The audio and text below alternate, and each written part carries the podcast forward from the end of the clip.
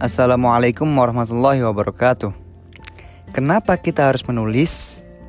Karena pembaca memiliki seribu kehidupan sebelum mati. Penulis memiliki seribu kehidupan setelah mati.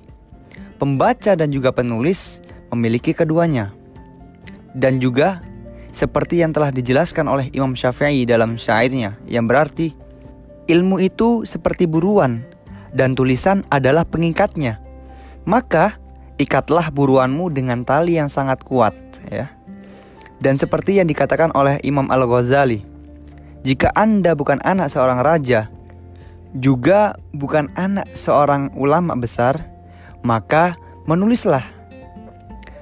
Ya. Dari sini bisa disimpulkan bahwa tulis menulis itu begitu sangat penting sekali bagi kehidupan kita. Sekali lagi, kita niatkan semua ini untuk ibadah lillahi ta'ala. Karena tulis T tujuan U utama L lillahi ta'ala. I ibadah S selamanya. Jadi kita niatkan semua ini karena Allah Dan untuk ibadah. Karena menuntut ilmu merupakan sebuah ibadah juga. Terima kasih